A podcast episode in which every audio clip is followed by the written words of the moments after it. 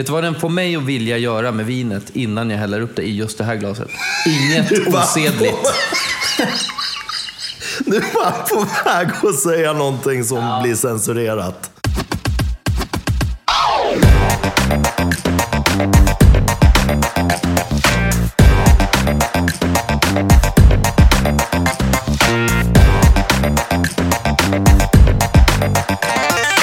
Hej allihopa och varmt välkomna till ett nytt avsnitt av Rörsut med mig Hanif Sabsevari. Ni är alltjämt många som skriver till mig och uttrycker er stora glädje över de långa provningar som vi har i podden. Det glädjer mig verkligen och ger mig motivation till att hitta nya spännande viner och vinstilar att prova. Och apropå nya vinstilar så finns det en uråldrig vinstil som har trendat starkt på sistone och som görs på gröna druvor. Det kan tyckas konstigt konstigt att vi tar upp en sån vinstil i en podd som handlar om rörsut. Men den här typen av vin görs i mångt och mycket på samma vis som många röda viner. Förmodligen föddes tekniken redan för ungefär 8000 år sedan i Georgien. Men i slutet av 90-talet så återuppväcktes den här tekniken i nordöstra Italien. Och idag tillverkas det i bland annat just Georgien och Italien, men även i Slovenien, Ungern och Kroatien. Själva tekniken går i korta drag ut på att man låter lokala gröna druvor ligga och jäsa med sina skal. Ursprungligen skedde jäsningen i lerkärl som kallas kväve kvevri. De grävdes ner i marken eller stod svalt i källare. Den tekniken tillämpar man fortfarande, men idag används även bland annat ekfat och akaciefat till jäsning. Resultatet blir ett mer kraftfullt, extraherat och grumligt vin i en del fall påminner om naturvin då man inte använder så mycket tillsatser. I vissa fall använder man inga tillsatser alls. Den här vinstilen bär på betydligt mer oxidativa toner än många vita viner och i smaken är den friskare, mycket syrligare och även tanninrikare. Färgen övergår oftast i en mörkgul nyans eller rent av orange. Jag tror att ni vid det här laget har listat ut vad det här programmet kommer att handla om, nämligen orangevin. Det är nästan omöjligt att undgå den starka trenden av orangevin som har intagit Sverige den senaste tiden. Och eftersom framställningsprocessen av orangevin i mångt och mycket påminner om rödvin så kan jag helt enkelt inte motstå frestelsen att få se vad surret handlar om. Jag tog därför in poddens hedersgäst Pierre Grubbström och tillsammans ägnade vi en hel kväll åt tre olika orangeviner. Resultatet får ni här. Pierre, vi är tillbaka. Jajamän. Du kommer få börja vicka för mig snart. Om jag åker på covid, då kan du rycka in här. Ja, jag blir första avbytare i den här podden. Det är perfekt. Det är otroligt skönt att veta att jag har en sån. Eh, I, idag sitter vi hemma hos dig. Ja, lite miljöombyte, lite, lite ny atmosfär kanske. Vi får se. Men det är också lite ny, nya bekantskaper som vi ska testa på. Ja, det stämmer. Orange is the new red. Eller är det så, verkligen? Det ska vi ta reda på. Ja, det här ska bli spännande. Det är faktiskt en ny bekantskap för mig. Jag har inte vågat mig in på det här området innan. Eh, men eh, det är ju ett sätt att göra vin som man vet att man uppskattar i andra färger på druva, där de är lite blåare. Så det ska bli kul att se eh, hur det presterar på, på de gröna druvorna. Och sen har vi ju en twist till här. Mm rullat med från ditt avsnitt med Siavash. Just det. Med eh, en herrans massa olika glas vi ska testa i och det ska ju bli riktigt spännande faktiskt. Det ska bli riktigt kul. Vi kan ju inte göra någonting eh, lätt eh, lätt och lagom med den här podden. Så att vi kan inte bara sätta oss och dricka orangevin rakt upp och ner. Utan vi måste ju slänga in ett par till parametrar. Och då är det glas och sen så kommer vi ju rulla ut lite tilltugg här också sen. Mm. Se vad som händer. Ska vi börja med att presentera glasen kanske? Jajamän. Så att uh, lyssnarna vet vad det är vi dricker i. Och, och, bilder på alla de här glasen kommer ju såklart att komma sen på Instagram och på Facebook också. Precis som förra avsnittet. Så det är bara att hålla utkik där. Jag ska börja faktiskt med att säga att jag älskar rätt, men jag älskar också att ha fel. Så mycket faktiskt som jag har klankat ner på Riedel i mitt avsnitt om glas. Eller jag har ju inte klankat ner på dem, men jag har ju liksom bestämt hävdat att våra de här uh, Difference Mature-glasen är bara totalt outstanding. Men jag älskar ju att motbevisa mig själv, så nu har jag faktiskt gjort så att jag har investerat i ett par Riedelglas här för att se vad som händer. Ja, spännande. Det är, riktigt, det är ju en helt annan liksom, karaktär än, än Orreforsglasen. De är ju betydligt större. Ja. Och man märker att det, det känns som att det är ett annan, en annan typ av glas. Ja, det är det. En annan känsla att hålla i också. Ja. Lite plastigare om jag ska vara elak. Inte riktigt den glas-glas-känslan. Mm. Men eh, fantastiskt med den här storleken att man kan snurra mm. ordentligt mm. utan att liksom vara rädd för att det stänker ut över glaset. Ja, jag tänker, när man, man tänker på, på kvaliteten, alltså materialet, då tänker jag så här, tillbaka på labb i gymnasiet när man stod på, på kemilabb och eh, höll i provrör. Det är lite den typen av, lite plast, men det är fortfarande en skön klang i dem så det kommer säkert att funka utmärkt. Det tror jag. Och om vi ska börja då, och nu tar vi dem i den ordning vi kommer att testa då. Så börjar vi med eh, det glaset som heter Riedel Wine Wings Pinot Noir Nebbiolo. Det är det första glaset. Det andra glaset heter Riedel Veritas New World Pinot Noir. Och det tredje glaset, det är det Itala-glaset som vi också hade med i Fontana Fredda-provningen eh, i förra avsnittet. Det är ett vitvinsglas från Itala. Och sen kommer vi då till Orreforsglasen som du ska få presentera. Ja, men visst. Vi, vår, vår vana trogen har ju med en del Orrefors differensglas och idag kommer vi faktiskt att sporta tre av dem. Tre olika. Först eh, en, en difference Crisp som är ju då för eh, krispigare vita viner. Tänk eh, lite mer Riesling kanske, eh, lite torrare vita viner. Eh, sen så har vi Difference Primör och Difference Mature som är två varianter för röda viner. Eh, Primör för lite yngre röda viner och Mature för mognare röda viner. Och, och det ska ju bli otroligt intressant att se hur det här vinet beter sig för att det är ju gjort enligt en process man använder när man gör röda viner till stora delar. Och eh, det ska bli kul att se vilket glas som egentligen passar. Det går inte riktigt att kategorisera in det här som ett vitt vin, det, men det är ju heller inget rött. Så. Vi har medvetet valt att ha med både vitvinsglas och rödvinsglas just för att vi vet ju inte hur det här kommer gå. Det ska bli jättespännande alltså, att se. Det kommer ju gå ner. kommer inte behöva hälla ut någonting. Men du, jag tänker så här. Jag börjar presentera kvällens första vin. Spännande. Ska du hälla upp lite ja, under tiden? Det ska ja, jag göra. Det är bara att tuta och köra. Kvällens första vin heter Radikon Slatnik Bianco. Det är en 2018 års upplaga. Appellationen är Venezia Giulia IGT. Regionen är Friuli Venezia Giulia i Italien. Druvorna i det här vinet är 80% Chardonnay och 20% Tokai Friulano som även kallas för Sauvignon Vert, alltså grön Sauvignon. Alkoholhalten är 13 procent. Den är försluten med naturkork. Sockerhalten är 1 gram per liter. Jordmånen kallas för ponka och eh, det är alltså märgel blandat med eocenisk sandsten. Eocen, om jag nu uttalar det rätt, eh, är en geologisk period som sträcker sig från ungefär 57 till 35 miljoner år sedan. Och jag har läst att man kan alltså hitta gamla fossiler i, i den här jorden på, på den här vingården. Ja, det är inte vi som är de gamla fossilerna va? Nej, inte än i alla fall om eh, några år kanske. Det är ett ofiltrerat, oklarnat vin med låg sulfitmängd, 25 milligram per liter. Och en liten eh, historik om, om Radicon är att eh, det grundades av ikonen, kan man säga, Stanko Radicon, som är en av pionjärerna inom naturvin och orangevin. I regionen Friuli i nordöstra Italien, precis på gränsen mot Slovenien, ligger den här eh, provinsen då Gorizia.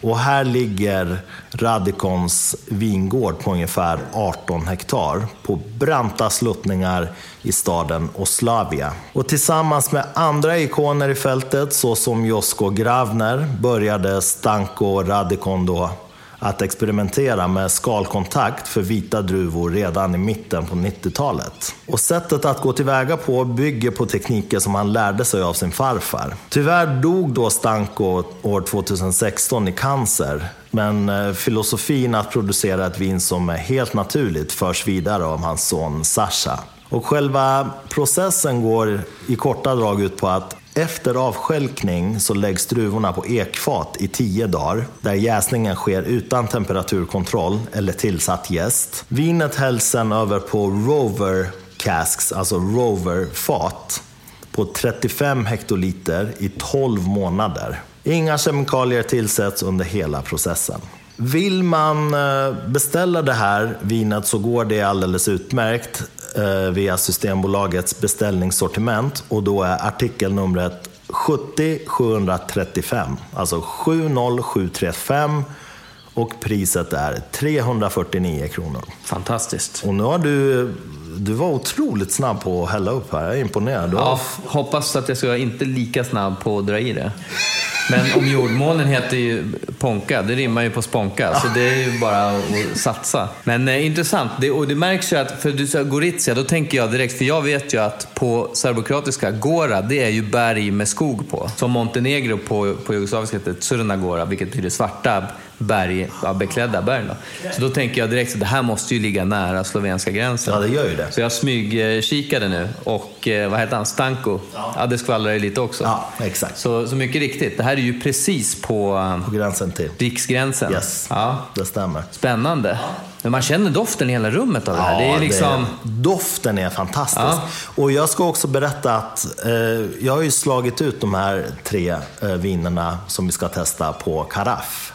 Och det gjorde jag tidigt idag. Det, det var för i alla fall 7-8 timmar sedan. De här orangevinerna behöver luftas ordentligt och det kände jag när jag öppnade. Det var inte jätteangenäm doft på ett, äh, två stycken av dem i alla fall. Den tredje är ju lite annorlunda, men två av dem var verkligen där unken äppelskrutt, väldigt så här oxiderat. Ja, men nästan så här...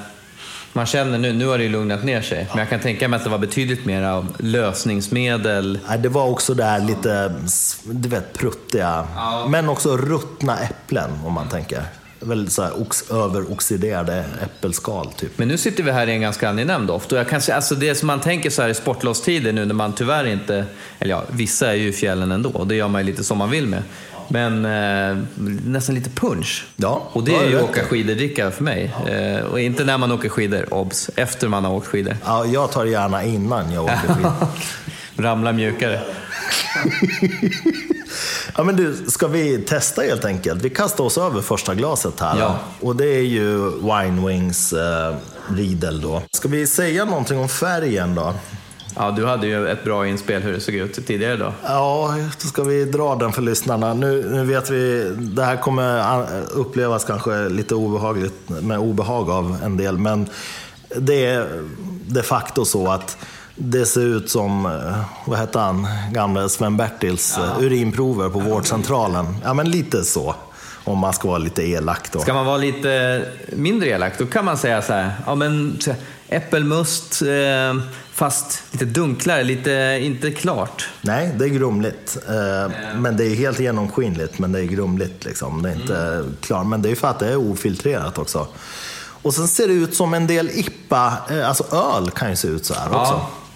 En avslagen IPA. Ja, en avslagen IPA kan ju se ut så här. Så så ser det ut. Eh, Ja, det är ju orangea toner i där, men det är ju kanske mer åt det gula hållet skulle jag säga. Ja. Men en jämn färg, ingen, ingen gloria, ingenting, inga, här, inga tänder att tala om sådär heller. Men det ser ganska lättflytande och, och enkelt ut. Ska vi dofta då? Måste man Åh, Ja, det luktar riktigt gott. Riktigt, riktigt fin doft. Mycket. Så kalkigt. Alltså så mycket kalk. Den här, eh, det är de här fossilerna tror jag. Dinosauriefossilerna. Ja, men också, jag känner lite av den här... äh, Den, lite av den här kemiska doften man pratar om ibland. Lite av den här oljeavskiljiga doften. Men samtidigt så en, blommig, en vitblommighet på något vis. Ja. Så så vita sommarblommor. Och sen känner man ju frukten också. Du har ju liksom, jag känner mycket så här torkad aprikos här. Och äpple känner man ju också. Ja, så här moget äpple, nästan äpple, äpplen som har legat ute lite och blivit exakt. lite bruna. Oxiderade äpplen. Ja. Liksom. Alltså den här mineraliteten är ju underbar. Det hade jag inte alls förväntat mig. Nej. En, en, en väldigt behaglig träig doft också. Lite mer sandalträ än en ren sån furumöbel. Lite mer sandalträ. Ja, men ska vi smarra? Nu är det kan man ju dags. knappt hålla sig. Ja, nu måste man skicka i lite grann. kanske. Ja, men skål då. Skål!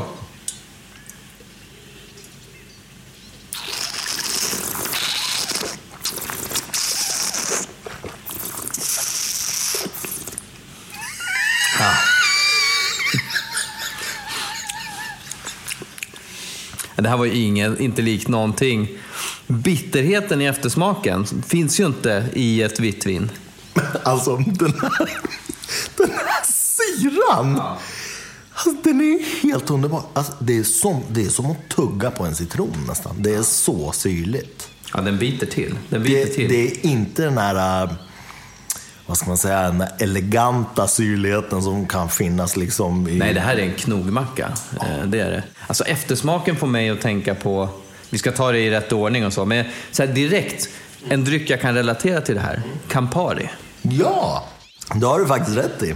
Hade aldrig tänkt på Ja, men det är den själv, här men- bitterheten och lite kära, lite... Mm. Men känner du i eftersmaken också den här oxiderade, ja men alltså ursäkta uttrycket, lite ruttna bismaken finns ju, alltså som de här gamla äpplena, finns ju där. När man har läst om orangevin så verkar det ju vara en riktig vattendelare. Det, det verkar ju vara så här att en del tycker att nej, det här är absolut ingenting för mig.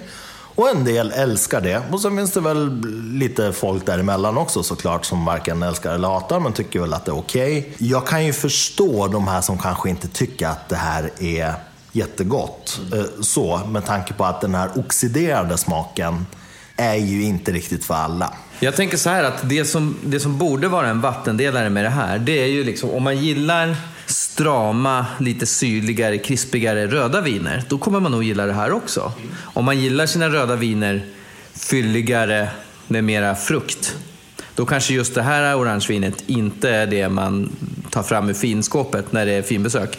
Men eh, jag tyckte det här var gott. Servera det här ännu kallare på sommaren tror jag är bara gå ner i split direkt och skrika så grannarna ringer i brandkåren. Jag tror att alla som älskar Barolo har ganska nära till att tycka om det här. Den här syrligheten ligger ju väldigt nära Nebbiolo-syrligheten. Om man nu ska försöka hitta någon form av syrlighet som skulle matcha där i den röda vinvärlden, så att säga. Så att för mig känns inte det här alls eh, jätteobekant. Det som är, är väl att själva fruktsmaken är så driven av äpplen och liksom tropiska frukter snarare än liksom körsbär, plommon. Alltså, ja. Eh, Såklart eftersom det är gröna, ja, vita druvor då. Helt klart.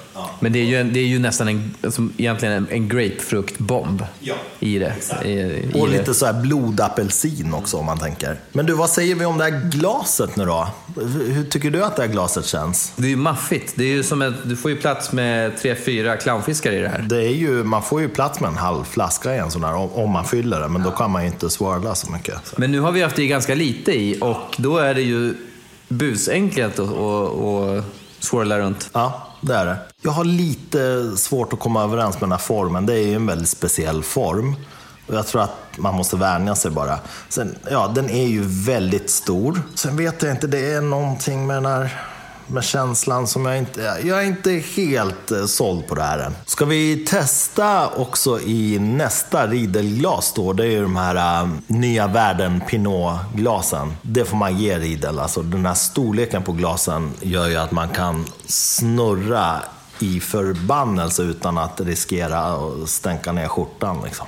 Ja, men det är en fin form på det här glaset och de är ju lite mer aggressivt avrundade. foten på de här Riedelglasen bjuder in till att man håller i dem, du- vet som man ska göra som sån här vinnördar. I och med att foten är så, så stor.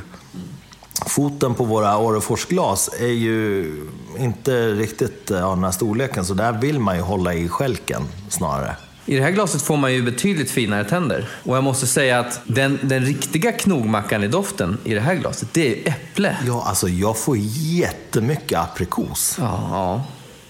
Om man, om man tänker på... Den är mycket fruktigare Ja, än förra glaset i alla fruktigare. fall. Ja, men man får inte alls den där... Förra glaset lyfter ju fram väldigt mycket så här stallighet, skitighet, mineraler.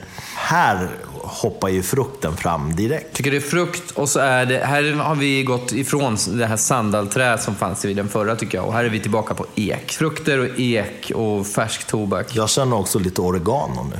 Ja. Ja. Känner den är artigare, ja. Ja. Det har du helt rätt i. Ja, men ska vi sluta? Ja, vi måste snarare. och bara Ja. testa. Ja, skål. Skål.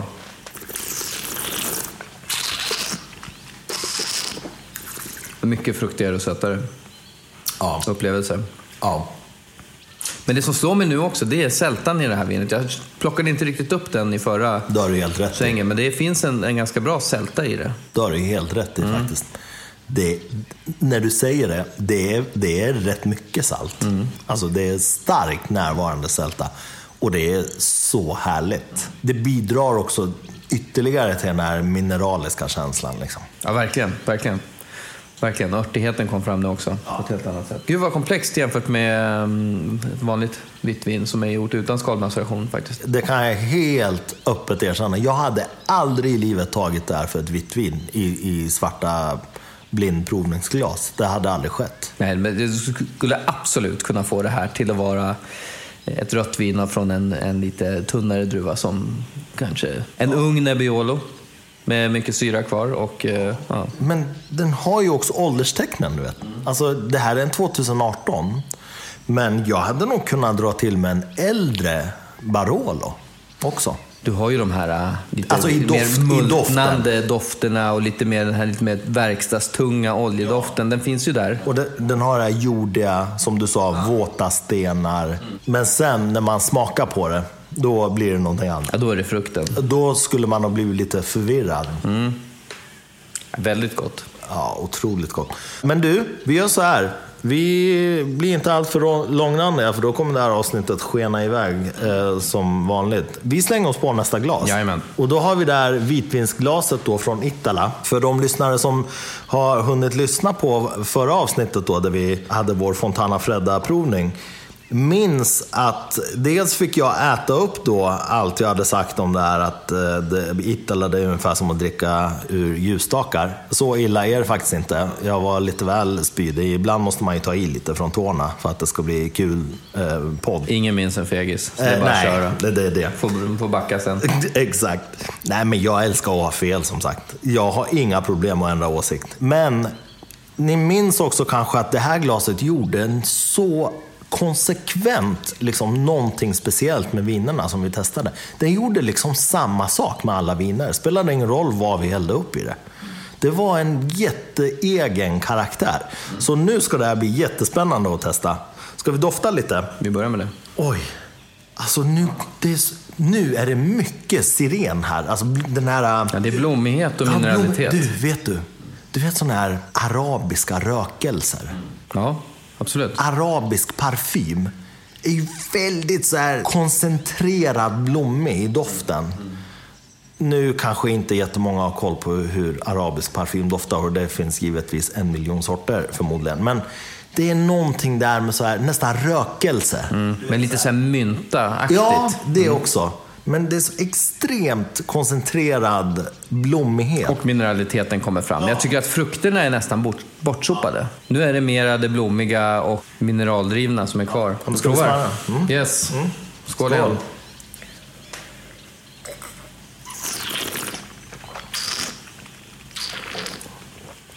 Mm. Nu var det mer mineraliteten, sältan och syrligheten kom tillbaka. Det förra glaset gav inte alls den här syrligheten. Sen efteråt kommer ändå de här grape, eh, och det är lite äpple i bakgrunden ändå. Lite aprikos. Ja. Det är så kul. Jag minns nästan hur våra Fontana Fredda smakade i det här glaset.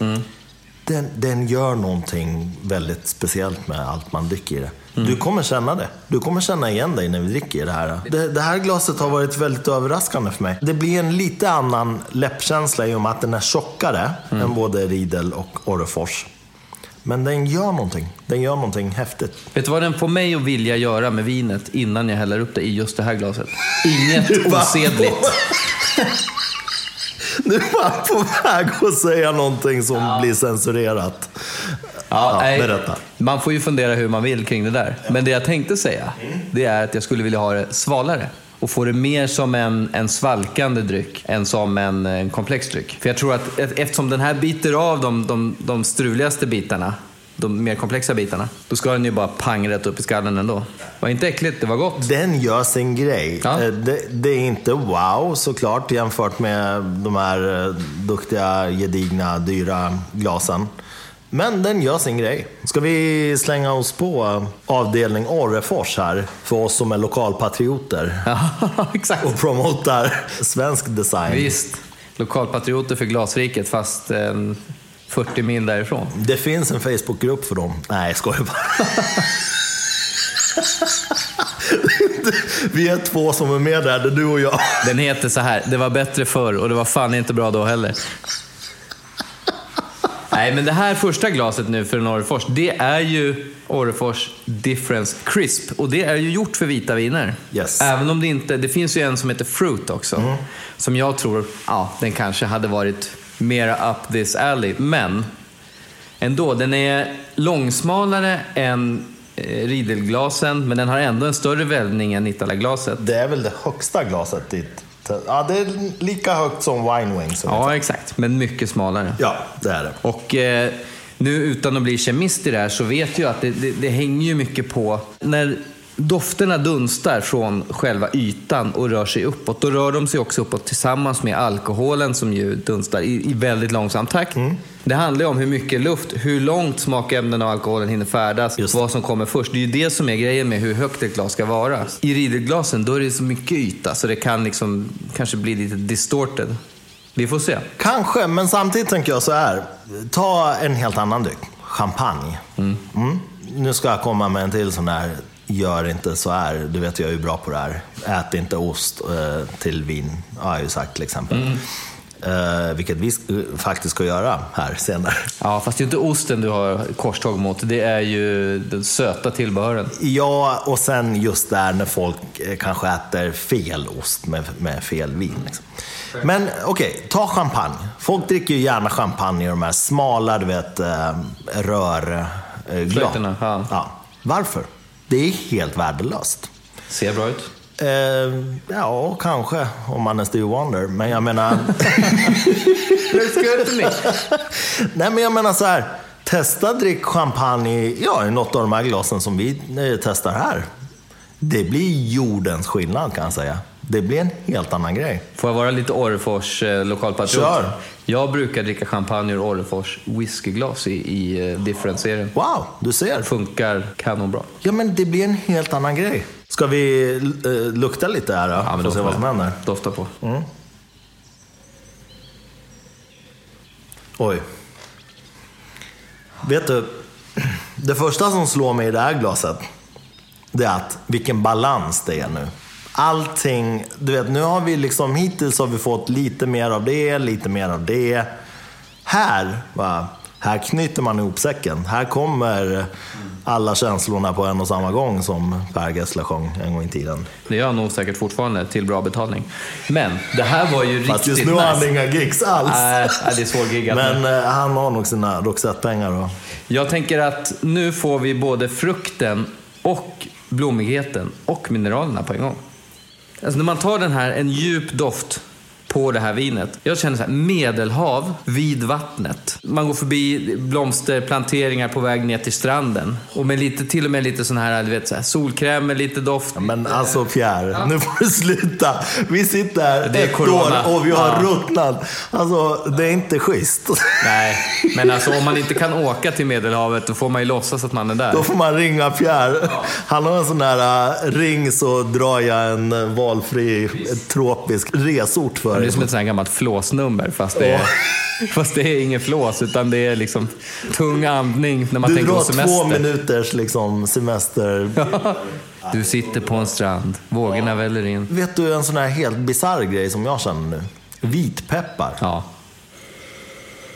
Det är helt rätt. Känner du det? Ja, ja. Det är inte svartpeppar, det är vitpeppar. Jättegott, jättegott. Ah, gud, Men är inte det en ganska vanlig not i Sauvignon Blanc? Och vissa, vissa andra vita druvor? Jo, men så är det väl. Men... Helt klart en närvarande not, det tycker jag. Och det kom nu.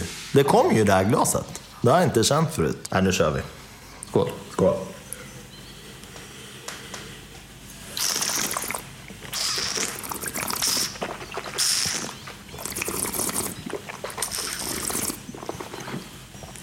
Mm. Wow. Fantastiskt bra. And the winner is... Ja. Nej, men hittills, det finns ju inget snack. Alltså, de andra glasen var ju inte ens nära kan jag säga dig. Nej, det finns Wow! Exakt så som jag sa. Här kom bara allting. Allting kom. Men om det är någonting som jag tycker, förutom att balansen är klockren, någonting som verkligen tar en, en, mer, en större plats, en mer förarplats, är blommigheten. Det blir inte äppelmust med sprit i. Det blir liksom en, eh, det var inte de andra heller, men i extremfallet. Det här var blommigt, det var mer komplext. Man känner strukturen bättre. Sältan får ju komma efterhand. Liksom. Jag tror det är så här att vissa glas förmedlar dofter och smaker lite i etapper. Du känner någonting, sen känner du nästa grej, sen känner du nästa grej. Jag tror att grejen med Orreforsglasen, som du och jag också verkar vara väldigt förtjusta i, är just det här. Jag kan tänka mig att det finns många människor som kanske gillar att uppleva vinet på det andra sättet. Det vill säga att det kommer lite i omgångar. Men vi gillar ju där bara få hela smockan direkt. Det är ju såklart väldigt svårt att försöka förklara där eftersom det är en känsla och det är så otroligt individuellt. Paletten är så individuell. Man har olika, helt olika förutsättningar när det gäller dofter och smaker och vad man känner. Det här är väldigt subjektivt. Alltså, det finns inget facit på det här. Men jag tror att det kan finnas en och annan lyssnare som kanske känner igen sig i vad vi försöker förmedla här. Jag tror att det man kan tipsa alla lyssnare om, det är att eh, våga prova i olika glas. Bara, bara testa. Det behöver inte vara liksom glas för 500 spänn styck. Radda upp tre, fyra glas med olika form och bara testa. Och tänk då på bredden, alltså hur mycket yta som är i kontakt med luft. Och tänk på längden på själva kupan. Hur långt det är liksom, smakerna måste fightas med alkoholen för att ta sig till, till, till dina smaklökar. Och, och tänk på avrundningen, liksom. hur, hur stor är själva öppningen? Och så bara försök hitta fyra olika och testa dig fram. Och det är ju nog ingen slump att vi tycker att det, det glaset som ändå är gjort för vita viner hittills har passat bäst. Det är superrimligt. Det som jag tycker ska bli spännande nu, det är att gå vidare till primörglaset som är ju gjort för unga röda viner. Vilket ju är den andra halvan av den här äh, stilen. Ja, exakt. Ska vi testa då? Ja, men vi kör. Ja. Då är det alltså Orrefors Difference Primör vi håller i handen.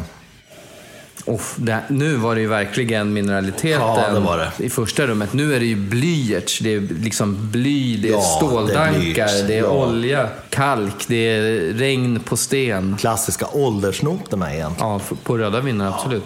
Men, och vad har vi gjort för skillnad här nu då? egentligen? Om man kollar på glasen, jo det är att den här är inte lika hög. Nej. Och den, är lite, den har lite tjockare mage också. Precis, så här är det ju inte lika lång flyktväg för att komma upp för Nej. Precis. Ska vi våga oss på ett smakprov? Ja, vi testar. Skål.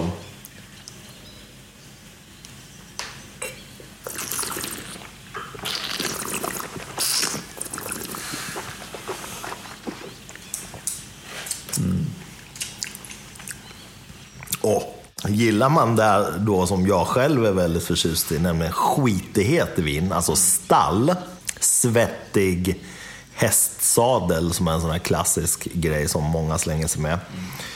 Då är ju det här glaset att dricka det här vinet ur. Om det inte vore för att jag vore så otroligt allergisk mot hästar så hade de kunnat dela det. Ja, det är sant.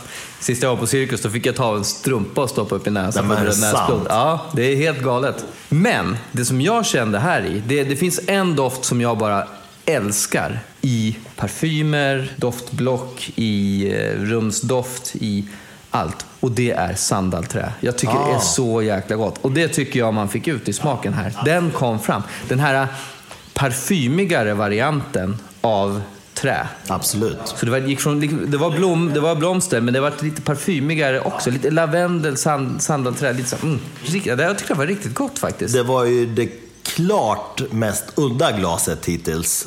På det sättet att det gjorde en helt eh, egen grej. Italaglaset gör ju också en speciell grej med vinerna, men det här är ju på en annan nivå. Den stora skillnaden för mig, det är att eftersmaken dröjde sig kvar mycket längre nu. Och det är verkligen den här eh, liksom oxiderade äppelsmaken.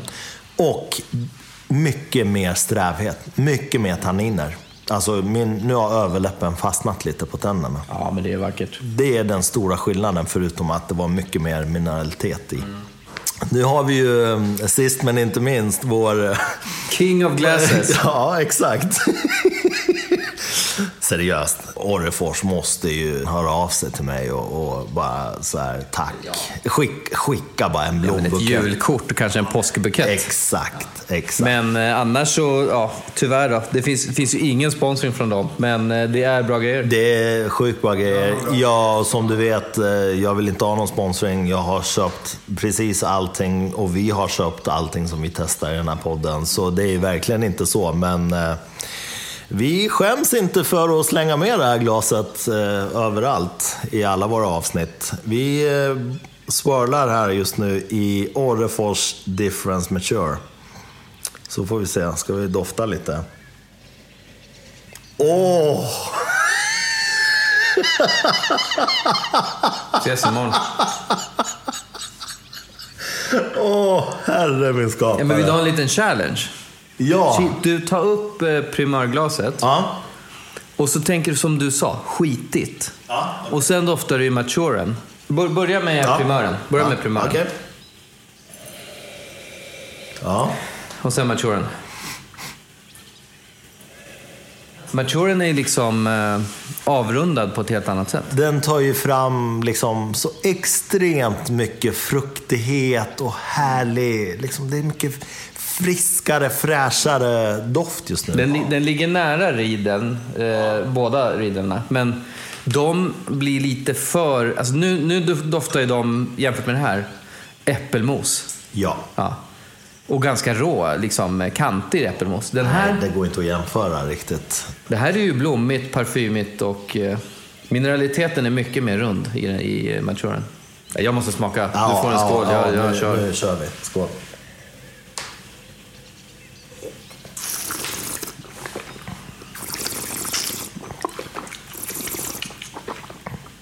Ja.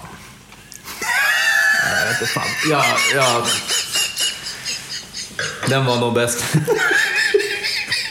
Alla kunde ha gissat det innan, men ja. Jag tycker alla de här Betsson och Betsafe och de här sajterna, de borde öppna en sån här bettingportal för rörsut. ja. Vilken För man ska tycka var godast. Ja. Du kommer inte få pengarna tillbaka om du satsar på det där glaset. Glöm det. Du får 0 0,95. Säkraste betten ever. Det är också viktigt att påpeka. Förra provningen av Fontana Fredda i förra avsnittet, det var faktiskt så att det var inte det bästa glaset när det kom till de eh, yngre vinerna. Där var faktiskt Difference primörglaset mycket, mycket mer balanserat. Och sen när vi kom till 2003 så var det ju, du vet, det, det var ju på en egen nivå, eh, där med körglaset. Men här alltså, vad, vad ska man säga? Jag försöker själv greppa det här. Jag vet ju att det är stor skillnad mellan glas, men hur kan det vara sån stor skillnad? Nej, alltså, om man kollar på Riedelglasen vi väljer nu. Riedel har säkert glas som är bättre eh, lämpade för just den här typen av vin. Men jag tror att det är för mycket luft i dem. De är för stora. Eh, och, och svaret på det är ju inte att råga dem, utan det är ju att de är för stora. När det gäller Orreforsglasen och även till viss del Littare-glaset, då är de betydligt mer avrundade, smalare och, eh, och liksom fokuserade. Men ja, alltså, det är samma med det här som när det gäller, vi brukar skoja om gubb och tantjuicer. Gillar man den, den smaken av äppelmos mer, då går man på de här stora. Vet du vad den nästan doftar nu? Nu, nu doftar jag i Riedel... eh, Ny, nya, pin, Nya världen Pinot. Pinot. Nu tycker jag det luktar eh, lakrits. Ja, ja, det gör det faktiskt. Det känner jag jättetydligt också. Sötlakrits, Ja, ja. det har du helt rätt i. Det har du helt rätt i. Sån här pipa, Ja, lakritspipa. ja, ja, ja. jag känner. När käkade man en sån sist? Finns de? Eh, någon gång på Köpa imorgon. 80-talet. En kartong? Usch vad gamla vi är. Ja, jag vet. Deppig. Tänk på något annat. Ja, Man måste ändå vara rättvis. Jag tycker du tog upp en väldigt viktig sak här. Eh, snälla Riedel och alla Riedel-fantaster, hata oss inte för att vi sitter här egentligen med en helt fel typ av glas från Riedel till sådana här viner. Jag tror kanske en del blir väldigt upprörda nu och säger men herregud, varför dricker ni orangevin i Riedels pinotglas? Liksom? Det är ju helt åt skogen. Eller Nebbiolo-glas. Vi hör er, vi förstår. Nu är det det här urvalet vi har och just i det här urvalet så blev Difference Mature återigen vinnaren. Jag skulle jättegärna vilja testa i sådana glas som Riedel eller våra lyssnare anser vara jättebra lämpade för orangevin. Hör gärna av er. Smäll in en kommentar bara i- på Facebook eller ja, vad som helst. eller på Berätta. Instagram, Ja. mejla. Eh, Det går alldeles utmärkt. Alltså det är så här, vi är människor. Vi, eh, vi är upptäckare. Ingen vet allt och ingen har rätt eller fel. Att dricka vin är helt subjektivt. Hör av er om ni blir väldigt upprörda och tycker vi är helt ute och cyklar. Eh, Det tycker jag är viktigt att påpeka ändå. För att jag menar, det, det är ju inte, vi dricker ju inte i rätt glas egentligen, skulle Riedel själva förmodligen säga. Nej, men om vi skulle ha rätt glas från Riedel, rätt glas från Orrefors och rätt glas från Ittala, då kanske skillnaden inte skulle bli särskilt stor. Så det här är ju ändå ett roligare sätt. Man kan ju inte sitta på alla glas från alla tillverkare. Man kommer behöva ett hus bara för vinglas då. Det går inte. Det går helt enkelt inte. Inte bara så ekonomiskt. Man har inte plats. Jag förutspår här och nu att om fem år, då sitter du med ett helt hus med glas. Det är det som är det värsta. Om jag känner dig. Du känner mig allt för väl. Du kommer vara glaspostorderkungen. Men eh, jag tycker det att, alltså, men, vi- nu, nu blev det så här, det var bättre i Orrefors än i Riedel och Italien, bla bla bla. Det, ta, bort, samma. ta bort varumärkena. Ja, Det ja. var bättre i de glasen som var utformade, som var lång, eh, långsmalare och mer avrundade, än i de som var öppnare eller de som var för liksom, oavrundade kan man säga. Så det är formen som avgör. Det är samma som vi sa förut. Ska man prova det här hemma, gå ihop lite kompisar, be alla ta med varsitt glas eh, åt var och en och bara testa runt. Det behöver inte vara så märkvärdigt. Nej, verkligen inte. Jag håller ju med dig om formen, men samtidigt, Mature-glaset är ju liksom det rum, alltså tjockaste. Den har ju tjockast mage av allihopa nästan. Ja, men den är ju väldigt avrundad och det är inte lika långt från ytan upp till Nej, men det, mynningen nej, som men det är i precis. Ridderglasen. Det är, ju, det är ju det. Men jag tänker liksom crisp. Det var ju också fantastiskt. Liksom. Men det, det är ju en helt annan form. Men vad ska man säga? Det är så himla subjektivt där. Men otroligt spännande att få än en gång bara se att det blir sån enorm skillnad. Eh, känner vi oss färdiga med eh, Stanko? Ja, nu räcker det med Stanko. må hans eh, själ vila i frid. Eh, Och eh, vi tackar honom för all visdom som han har vidareförmedlat till sin son Sasha som vi nu här tar del av. Fantastiskt gott vin. Kanongott. Kan varmt rekommendera. Eh, Vi kanske återkommer till det när vi ska käka lite sen eh, till. Vi slänger oss raskt över på nästa vin. Det här då är någonting som ligger väldigt nära det förra vinet. Det här är i princip två granngårdar som jag förstår. Det här är en 2015 års Parachos eller Parascos Orange One. Vi är lite osäkra på hur det här uttalas. CH på italienska är ju oftast ett skarpt K. Eh, Men jag har aldrig sett med ett S före, eller jag har inte tänkt på det. För prosciutto till exempel, när det är sh, då är det ju inget H efter C. Nej, Så jag exakt. skulle nog satsa på Parascos, eller Parascos, jag vet inte. Vi gör så här, vi säger Orange One. Ja, visst. Och på etiketten så har vi ju då en sifferkombination, se om du känner igen den. Det är inte koden i Lost. Nej, okej. 3,1415. Pi, alltså. Ja, visst.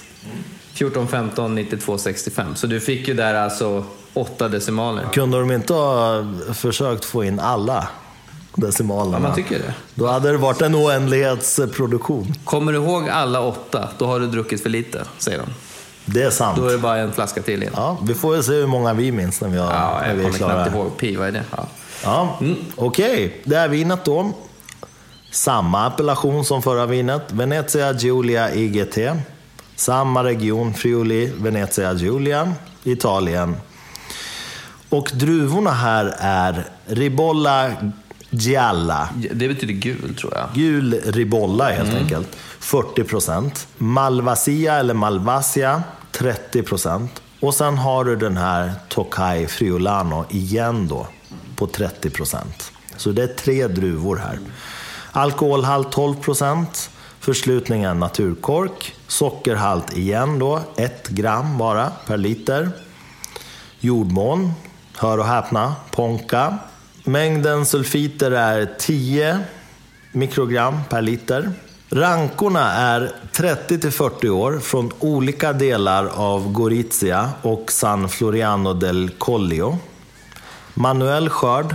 Efter avskälkning och lättare pressning placeras musten tillsammans med druvskalen i öppna träkar där det blivande vinet får jäsa spontant utan temperaturkontroll. Varje druvsort vinifieras var för sig. Efter jäsning dras musten om till stora akaciefat om 2000 liter.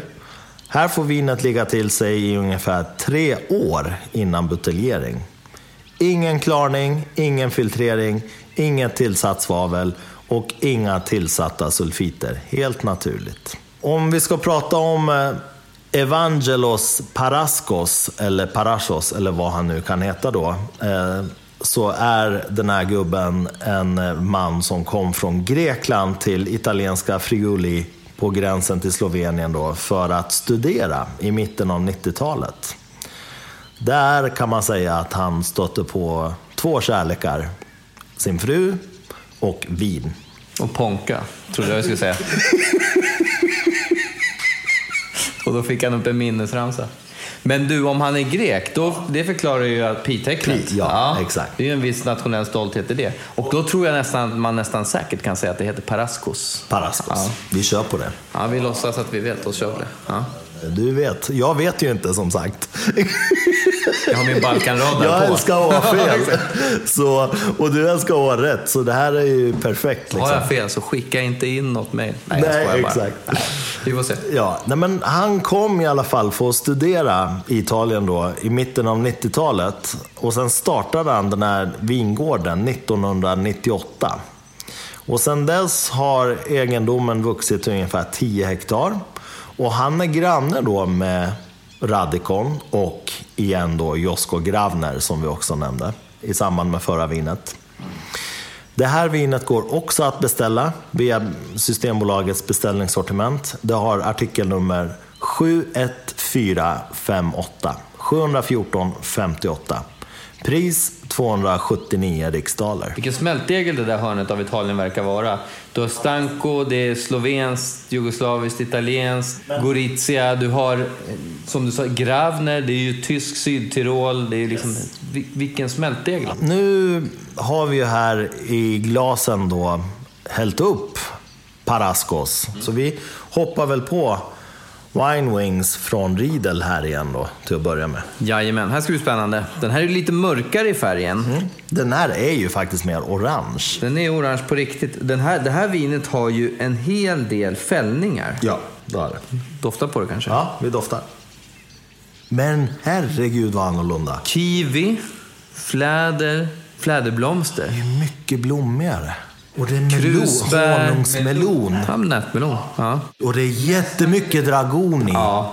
ja, örtigheten är slående. Lite timjan Det också. har inte alls den här skitigheten, den här stalligheten överhuvudtaget. Men det, kiwin, den blir ju nästan lite banan. Ja, det är gul kiwi liksom. Ja. Det där sötare. Men den här punchen finns kvar i botten. Ja, det är jättemycket Precis punch som i den det. förra, men den är inte lika tung som den var i den förra. Nej, nej. Och jag känner inte den här äh, petroleum eller verkstadsdoften, den Nej, här nej, oljan. inte Den alls. finns inte här. Det är mycket, mycket fruktigare och blommigare. Ja. Jag känner inte någon träinblandning. Nej, inte alls faktiskt. Du sa banan. Du vet sådana här bananchips. Torkade bananchips. Torkade ja. bananer. Och vet du vad jag känner mer för? Ört. Lavendel tycker jag. Ja. Då har du rätt i. Det doftade gott alltså. Det här var en nästan parfymig, blommig variant med, med fräscha frukter. Ja, verkligen. Ska vi smarra lite? Nu är det dags att smarra det här. Jag är otroligt spänd på det. Ja, skål då. Skål.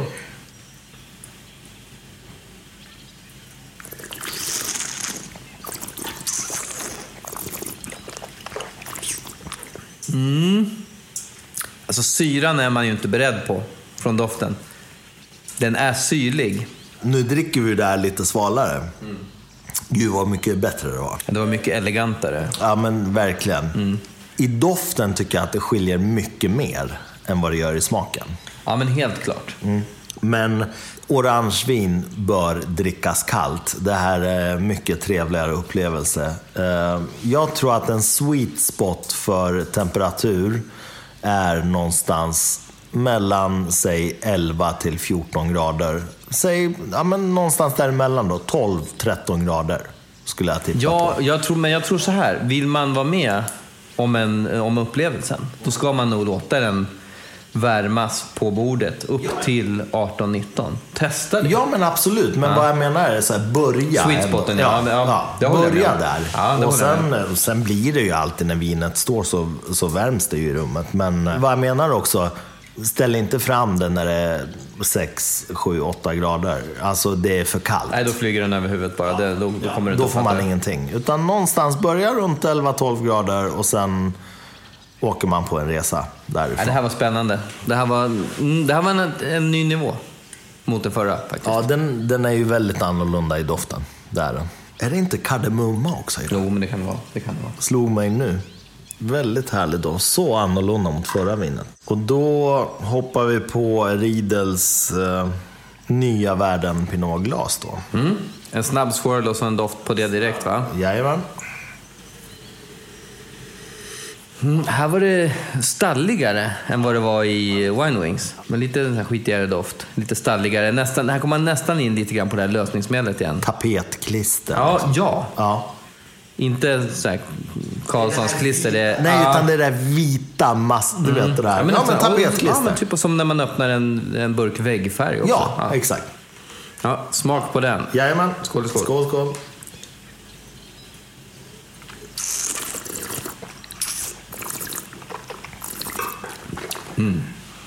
Det här var bättre. Det här var riktigt bra. Fruktighet, blommighet, men här kom de här örterna fram. Väldigt starkt. Dragonen, timjan. Jag känner mycket timjan. Ja, absolut. Du har rätt. Det här är mycket stramare än förra vinet. Håller du med om det? Ja. Förra vinet jämfört med det här var lite all over the place. Ja, men det var mer spritigt, punchigt, eh, skitigt, ostrukturerat. Men det var gott, men... Det var, det var riktigt gott. Jag älskade ju den här skitigheten i det vinet. Men det här är... Jag hatar där att säga så, men det känns dyrare. Ja. Fastän det är billigare i pris. Men Elegantare. Elegantare. så. Ja, och syrligheten är mycket stramare också. Men man vill ju att, att stramheten ska spela med de övriga liksom, smakerna och noterna. Det får, det får liksom inte vara precis... Det, är ju, alltså, det kan vara ballt ibland att ha ett väldigt stramt vin och, och ganska nedkylt också. Men det blir en grej i sig om man, om man känner för att sitta och tugga på gröna bananer. Men det, det, kan, det kan vara gott ibland. Men det här var, nej, men det var fint. Det här med tanniner är ju också en sån här...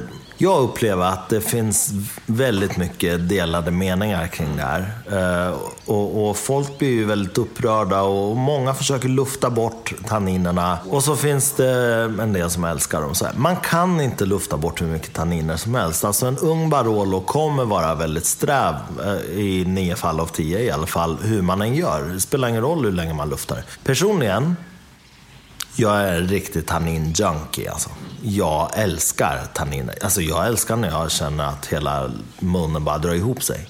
Men med det sagt, jag älskar även när de har lösts upp i de här gamla 70-80-talsvinerna. Det är också fantastiskt. Varför bråka om det?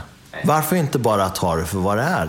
Det är två olika upplevelser. Det är två helt olika världar. En ung Barolo från 2016 som jag tycker är ett fantastiskt år.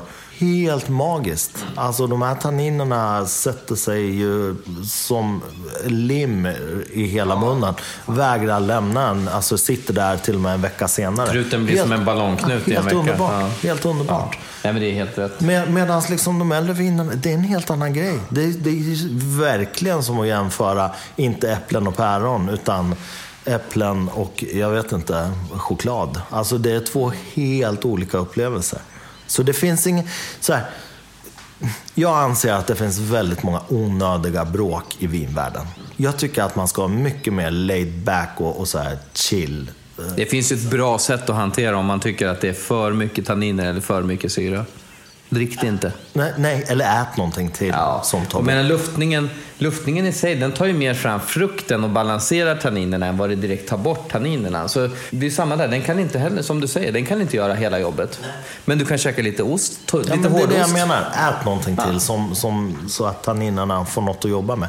Men, men vad jag vill säga med det här lilla liksom, avstickaren här mitt i vår provning är att jag är personligen ganska trött på många av de här bråken. Jag ser mycket på sociala medier, alltså folk attackerar folk som dricker unga Barolon och, och gör narr av dem. Bara, Men det där kan du inte dricka nu, det är alldeles det där kan du dricka om 30 år. Liksom. Men varför det? Alltså sluta upp med det där. Jag menar, det är ju som vi sa i, i mitt och ditt förra avsnitt. Det är som att säga åt någon, jag tycker du har ful t-shirt på dig. Alltså, sluta upp med de här du måste, du måste. Folk gör ju vad de vill. Även om du har rätt. Även om det skulle vara så att den här personen borde dricka den där Barolo-flaskan om 20-30 år. Jaha, okej. Du har rätt. Ja, grattis. Du, du vann en medalj. Ja, men vad händer nu? Hur, hur går vi vidare med det här? Vad, vad vill du ha sagt med det? Liksom?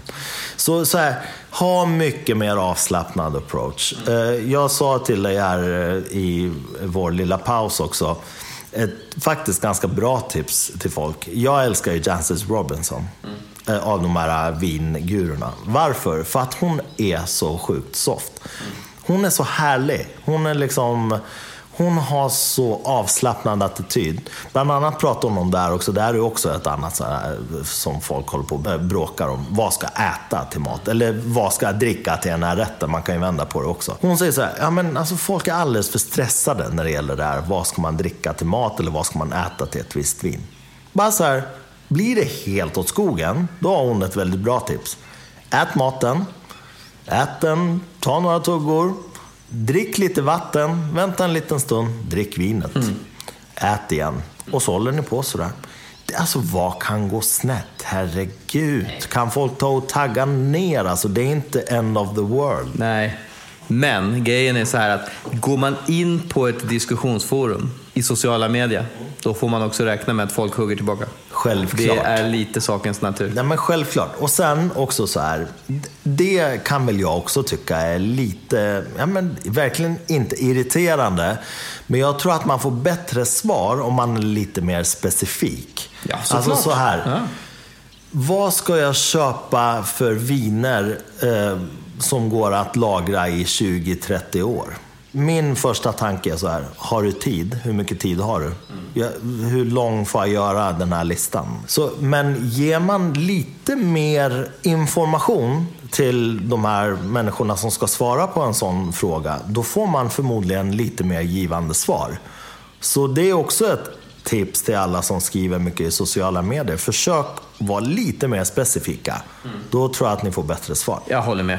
Jag håller med. För så fort det är ett tillfälligt sortimentsläpp, Ja. då kommer ju den här typen av Ja. diskussioner igång. För då är det folk som, många som kanske de har sina komfortzonsviner de dricker, men så ser man något coolt på tillfälligt hyllan och så gör man något utspel kring den för att man tycker det är kul att man har provat något nytt. Och så kommer vargarna och bara, ja, du ska inte tro att, ja, det är ju sådär, det är så typiskt. Man blir bara så, ja, men om någon har hittat något nytt som de tycker är kul, skitsamma Men varför. Fan vad kul tycker Ja. Ge, tip, ge tips på två likadana som men finns i fasta. Då. exakt. Ja, Ja, men det så, vad löser det för... Vad får man ut av att hugga ner på folk på det Ja, men det finns så många Jag förstår nättroll. inte Det finns så många nättroll. Men du, Ja. Ittala. Ja. De har ju du trollat. Ja. ja, jag vet vad han Och inte om man hyllat. kan... Och hyllat. Ja.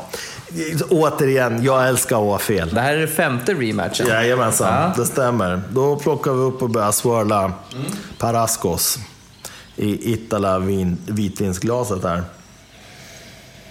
Åh, Mer koncentrerat eh, av det här lösningsmedelaktiga, parfymiga, blommiga skulle jag säga. men du, det är lite ingefära i det Ja. också. Eller hur? Ja, det skulle du kunna säga att det är ingefära. Du vet, det finns en shot. Jaha. Vi som börjar få lite, lite, lite, lite respektabel ålder, men ändå inte supergamla, men ändå lite. Du vet ju vad gröna hissen är va? Ja, ja, ja. Ja, ja. Och lite, eh, lite Piggelin, ja men absolut. päron, akt- päronlikör. Vad heter den här grekiska päronlikören som är Santé? Ja, just det. Ja, det är ju Parascos. Parascos från Grekland. Han har nog koll på den där, på den Han där blandar biten. lite Santé i varje Ja, tunna. ja, sen så, lätt. ja, visst. Ja, men ska vi smarra? Skål! Skål.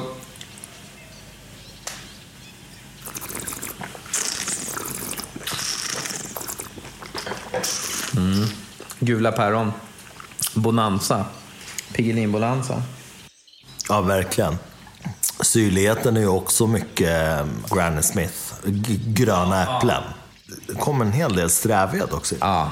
Men jag tror, hade vi vänt på ordningen på de här två vinerna, då hade den, då hade den nästa... Om vi hade tagit det första vinet efter det här, då hade vi uppfattat det som ganska, en ganska fadd upplevelse. Ja, tror jag också. Jag tror att vi gjorde rätt. Här är ju krispigare, så det ska bli kul att se vad crispen gör med... Ja, men ska vi Vi ge oss på den? den. Ja, ja. Itala gjorde bra ifrån sig igen. Man måste ju vara rättvis också. I den här uppställningen där du har två giganter, då, Riedel och Orrefors, så har den här stackars eh, Itala-glaset då hamnat här i mitten. Jag tycker han stångas väldigt väl, den här finnen. Visst är han väl finn? Ja, det är ett finskt märke. Ja, absolut. Ja, ja, men Det är det, det, det är bra sisu i, i det här glaset. Liksom. Tappert kämpat. Vi ger oss på eh, crispen här nu då. Inte lika pikant, så här Piggelin, gröna hissen, blommighet. Här kan jag känna lite av den här verkstads... Ja, nu kom det lite mer skitighet. Ja, och- lite mm. mer skitighet här. Blöta, alltså blöta stenar igen, kalk, lite krita. Blommigheten är ganska försvunnen. Lipton gör ju sådana här smaksatta tesorter, tepåsar. Yes. Det finns ju någon sån indisk variant. Det luktar så sjukt mycket sånt. Med jasminblommor Ja, med... Ja. när du bara luktar på den här själva tepåsen, alltså det torra te. Det är inte de svarta tebladen. Det här är, för, för er som gillar rött te, jag har ju en historia av te också kan jag säga. Jag var riktigt tenörd ett tag. Grönt och rött te drack jag mycket. Och, och vitt te. För er som gillar rött te, det här är väldigt mycket rött te i det här. Jag går runt på samma tesort jämt nästan. Det är Russian Earl Grey. Jag tycker den är fantastisk. Men ja. den är ju massproducerad, men jag tycker den är god. Eh, Men ska vi smaka den här ja, eller? vi kör, vi kör.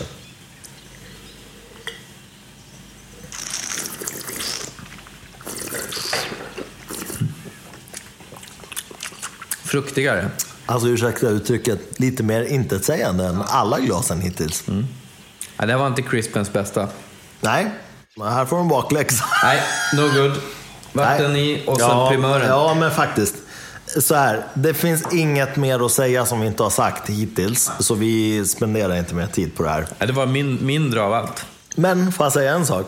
Det här vinet är mycket mer, generellt sett, hittills fyra glas in i det här testet nu, mycket mer konsekvent än förra vinet. Mm. Ja, det det är inte alls den spretigheten mellan Och glasen. jag tycker smaken känns mer koncentrerad. Den, den känns kompaktare. Ja, absolut. Frukten och blommigheten, den, den hänger med. Precis som du säger, det är konsekvensen. Ja, Den är inte konsekvent eh, fadd eller vattning, utan den är konsekvent ganska fokuserad. Ja, den har väldigt tydligt ID. Då ger vi oss på Orrefors eh, primör. Och swirlar så det står härliga till här. Du, jag måste ge dig en fet eloge. Du har lyckats hälla upp i 12 glas. Och det är så här fantastiskt jämn mängd i alla. Jag hade inte fixat det. Det gäller att öva ofta.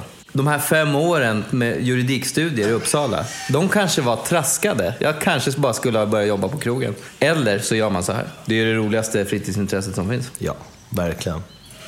Nu är vi tillbaka till det fruktiga och blommiga. Ja, men, men jag måste säga igen då. Nu har allting samlats ihop lite här. Här känner man summan av de fyra glasen som vi har testat hittills lite bättre på samma gång.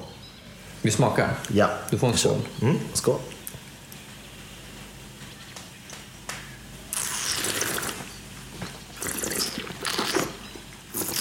Bet- bättre än crispen. Eh, mer, mer koncentrerad frukt framför allt. Jag tycker blommigheten försvinner jämfört med Italan. Jag måste säga att Italan hittills Ja, jag håller med dig. är ju bäst i test för just det här vinet. Ja, nu, nu testade jag att dricka ur uh, Riedels eh, nya Pinot-glas här snabbt. Smakar nästan ingenting. Ta Italan. Ta, ta den bara direkt. Allvarligt talat, det är mycket djupare smak och doft än vad de, de andra glasen. Oh, wow. Ja. Du, ring Itala och säg att de ska ringa Parasco. Han med pi-decimalerna på etiketten. För där, Framf- framförallt kanske jag ska gå tillbaka till det här avsnittet som handlar om glas och öppnar och bara så här censurera den där biten när jag sa att Nej, never look back. Seriöst, Ja. finns det något vackrare än att ha fel och säga att man har det? Be, be om ursäkt. Eh, Säg, erkänn att du, så här, världen förändras. En människa så här hårdvara, vår hjärna, kan omöjligtvis ha rätt hela Jag tiden. tror att de som lyssnar på dig tycker det är kul när du är lite kategorisk också. Jo, Du får inte bli för snäll nu. Då blir du löjlig. Då får du inte käka nej, jag pepparkakor. Nej, men, men jag menar, jag tycker att det är underbart när jag blir motbevisad. Det är så skönt. Italan är stark. Italan- På det här vinet. På det här vinet Vi har en konkurrent kvar. Och det är ju The King of Kings. Difference Mature. Ja, ordentligt med doft. Hej och hå. Jajamän, där kom det. Oj, Nu är det en stallighet med Ja. och en skitighet med. Ja. Men nu är det honung i också. Ja. Känner Undrar om det har med temperaturen att göra. Ja, Jag tror kanske. nästan det. För det är den här melondoften som har övergått mer i... Och det, har, det finns den här bananen, det finns fläder. Ja, men alltså det, jag kommer inte ifrån det. Det är så mycket rött te i där. Skål ja, på dig. skål,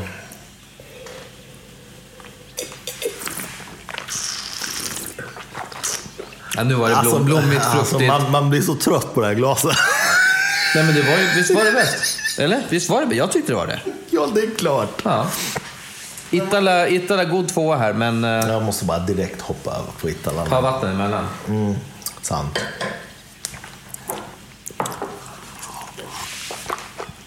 Djupare, djupare smak. Orrefors har ju många fler färger i regnbågen om man säger så. Med det sagt, mycket god tvåa. Ja, nej, men det var, det var koncentrerad smak och blommigheten kom fram på ett bra sätt. Men i maturen tycker jag att fruktigheten också hängde med.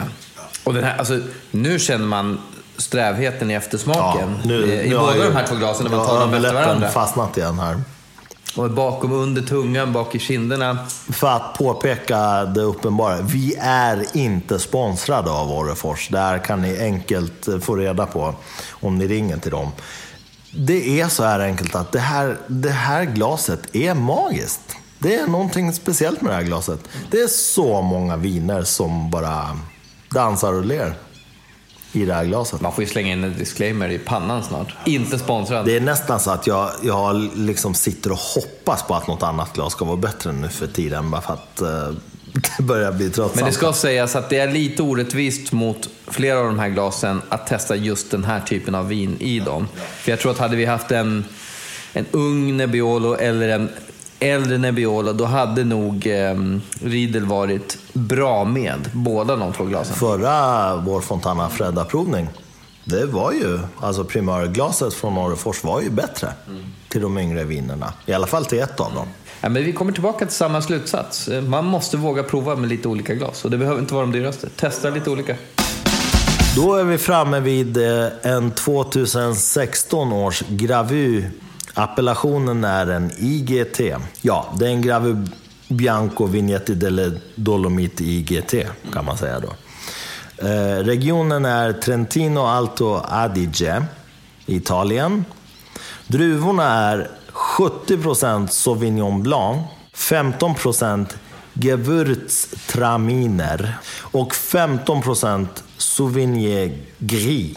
Alkoholhalt är 13%, förslutning naturkork, 1 gram eh, socker då, eh, per liter igen. Jordmånen är kalksten. Det är ofiltrerat, oklarnat, sulfitmängd 50 milligram per liter. Ingen temperaturkontroll, spontanjäst. Det här är ett par eh, som eh, består av italienskan Leila Grasselli, eller Grasselli, och tysken Dominik Wurt. Så de har slagit ihop Gra i Grasselli och Wurt, de här inledande bokstäverna, så det har blivit Gravu. De här bor i Sydtyrolen med sina barn.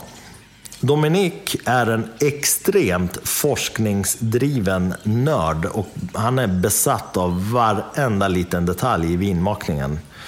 Han har en bakgrund i olika vinmakarroller i såväl Bordeaux som Montalcino. Och här gör de viner utifrån Alpernas naturliga förutsättningar och helt utan användning av bekämpningsmedel, tillsatser eller kommersiell gäst. Druvorna växer på mellan 350 och 600 meters höjd. Och det är mängder av olika mikroklimat. Gården är ekologiskt certifierad och makningen är så här att efter pressning jäser de tre druvsorterna separat i tre till fyra veckor med skalkontakt.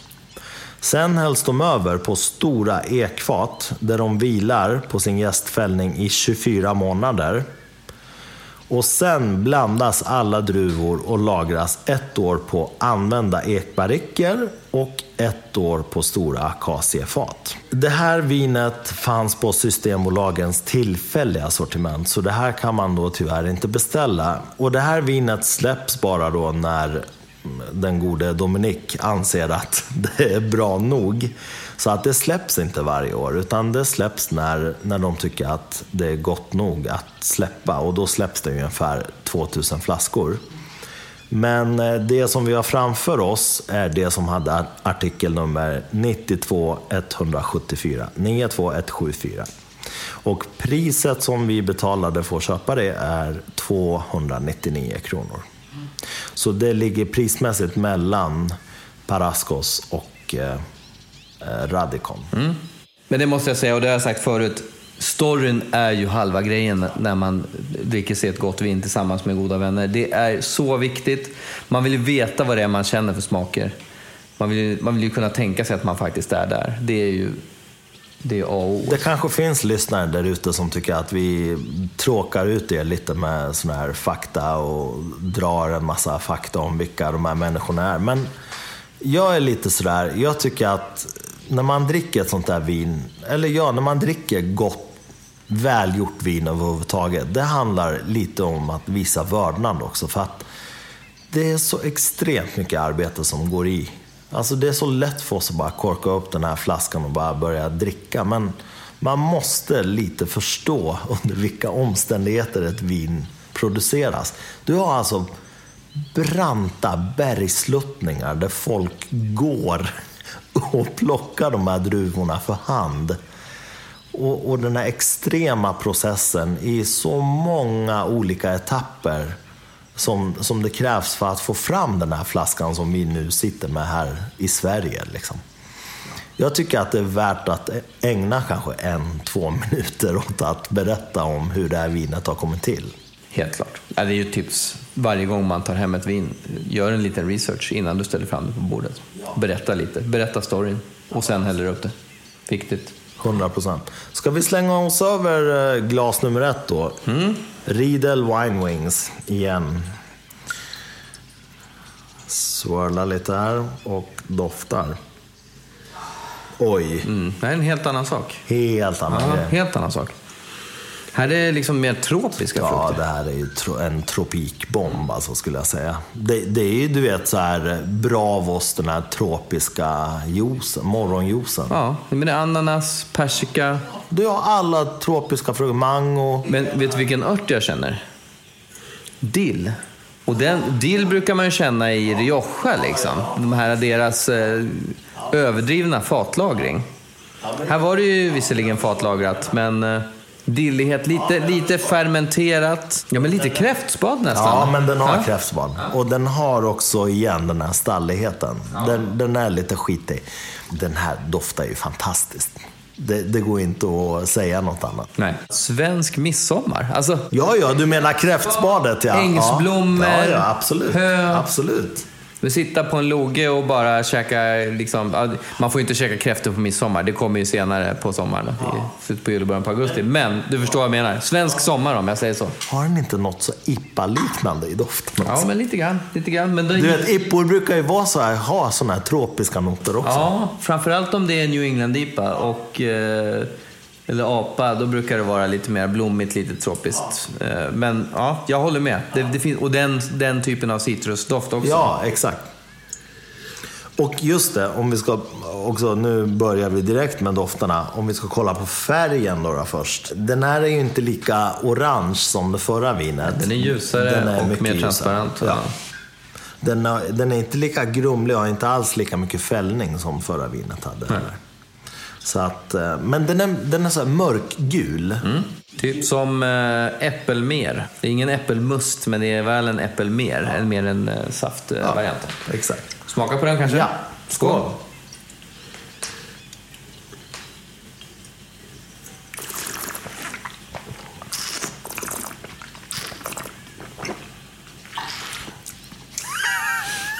Ja, det här var jättegott.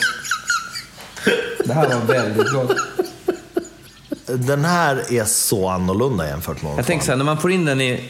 När man tar första sippen, du får in frukten, du får in trop, tropiska frukten. Det finns en örtighet i den som är väldigt angenäm. Och jag vet inte riktigt vad man skulle kunna säga att det kan vara, men kanske koriander. Ja, men exakt. Ja, och sen när den har fått lägga sig ett tag, för det är väldigt balanserad syra. Sältan är mycket mildare än vad det har varit i de två andra. De andra har varit mycket, mycket större sälta skulle jag säga. Men i det här vinet finns det en pepprighet Ja, verkligen. som jag inte har känt i de andra. Och då snackar vi ju svartpeppar. Svartpeppar, Ja. 100 procent. Ja, det är riktigt gott. Men det märks ju att de, det här, de andra två var granngårdar. Och smakar man det här emellan, då märker man ju det. Ja, och det var ju ingen um, ponka. Det var inte Ponka. Och det är extremt mycket persika just nu. Alltså i smaken. Ja, i frukterna, absolut. Det här är också ett tips eh, till lyssnarna. Kolla på YouTube, sök på Gravy.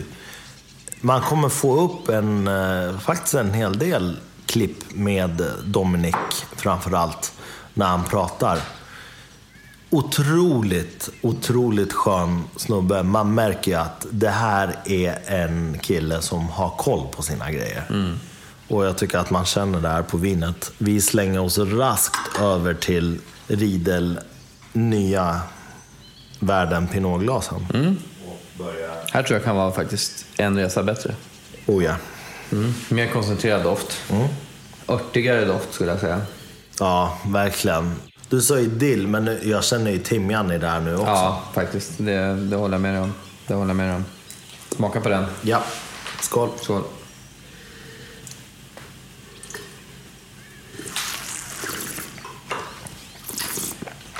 Örtigare, kryddigare. Frukten är kvar. Men örtig, örtigheten och kryddigheten eh, tar en, en, för- ett förarsäte där. Det här vinet är ju mycket friskare och fräschare. Det, alltså, tänk det här nedkylt. Nu är det, nu är det perfekt temperatur. Det är svalt. Ja, det här är jättegott nu. Perfekt temperatur som vi dricker just nu. Men tänk det där i sommar. En hink kräftor. Ja, men alltså, jag Så inte- gott Men alltså, här, så här, knappt som man behöver äta någonting till. Det är så tropiskt, det är så fräscht och det är så friskt och, och så rent. Du vet, så en sommarkväll. Om en bra in, en, ett gäng bra inkokta kräftor får slå ut dillen och, och um, örtigheten i det här och då får man nog väldigt mycket frukt kvar tror jag. Väldigt mycket svalfrukt som man, eh, väldigt elegant. Jag skulle kunna dricka det här som en aperitif. Absolut, absolut. Jag håller med. Det här står på egna ben. Det gör det och framförallt i de här svala temperaturerna. Det tror jag den här klarar av mycket bättre än de andra två. Vi slänger oss över uh, finske vän. Mm. Du, du ser, den gör en grej med alla vinerna. Som, som innan, fast med mer mineralitet, säger jag. Och sen säger jag skål. Skål.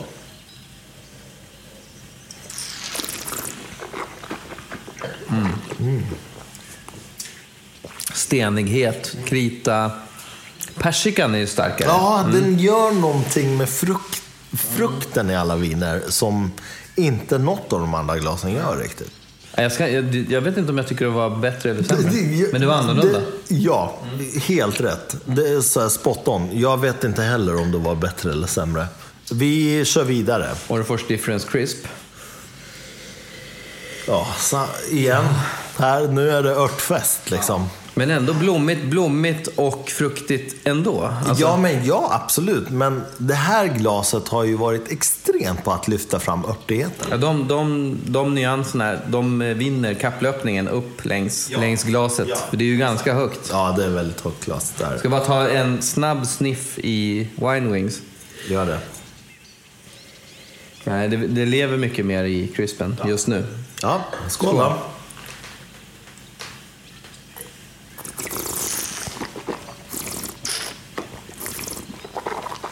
Blommigare, lätt, lättare. Lättare än i Italan. Nu när jag dricker det här förstår jag vad det här glaset har tillverkats för. Ja, ja faktiskt. Och då kan man ju förstå de vinerna man ska, man ska dricka i det här glaset. Ja, men tänk dig en sval Riesling. En aprikos, pigelin, päron, eh, knogmacka. Ja, då är det nog riktigt nice. Ja. Men du, en primör. Ja, hur beter sig den glada gubben? En, börjar med en doft. Då skulle jag säga att jämfört med crispen så är det mer frukt och blommor igen. Ja, oh ja. Där. Det är mindre örtighet här. Om det förra vinet var konsekvent så är det här ännu mer konsekvent genom alla glasen. Det är ju inga stora skillnader. Eh, utan det är den här tropiska fruktigheten, blommigheten och så örterna. Och sen är det i olika proportioner. Och den är inte lika salt heller. Det Alltså, vinet som betedde sig mest irrationellt eh, var ju det första Ja. vinet. Eh, kan ju bero på att vi var nyktrast då, i och för sig. you have a point. Om, om vi nu ska vara helt eh, Men vi har ju eh, inte krökat järnet. Vi har ju Nej, inte alltså druckit vi tar ju inte stora klunkar. Men eh, ja, det gör ju ändå sitt. Det är ju så. Ta en smak på det här. Mm. Skål Skål då.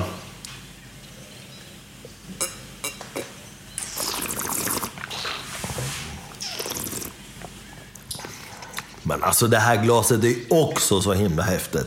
Men det blir fruktigt. Det här samlar ihop allting. Ja, vilken fantastisk ordning vi har haft på de här glasen. Vi gick ju på känsla, men Den varje vin har ju varit så här. Du börjar där, det går liksom från lite vagt till klarare, klarare, klarare, klarare. Och så kommer du fram till det här. Då samlas allting ihop och jag skulle inte bli förvånad om kingen av glas King nu kings, verkligen knockar oss igen. Nu ger vi oss på... um, Difference mature. Alright, vi luktar då. Ja. Mm. Fri, friska blomster och eh, mild tropisk frukt i bakgrunden. Jag kommer smaka på en gång. Du får skålen redan nu och så får ja vi se. skål.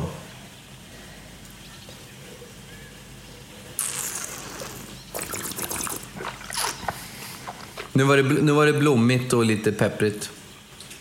Jag tror inte jag har den här som vinnare den här omgången. Inte jag heller.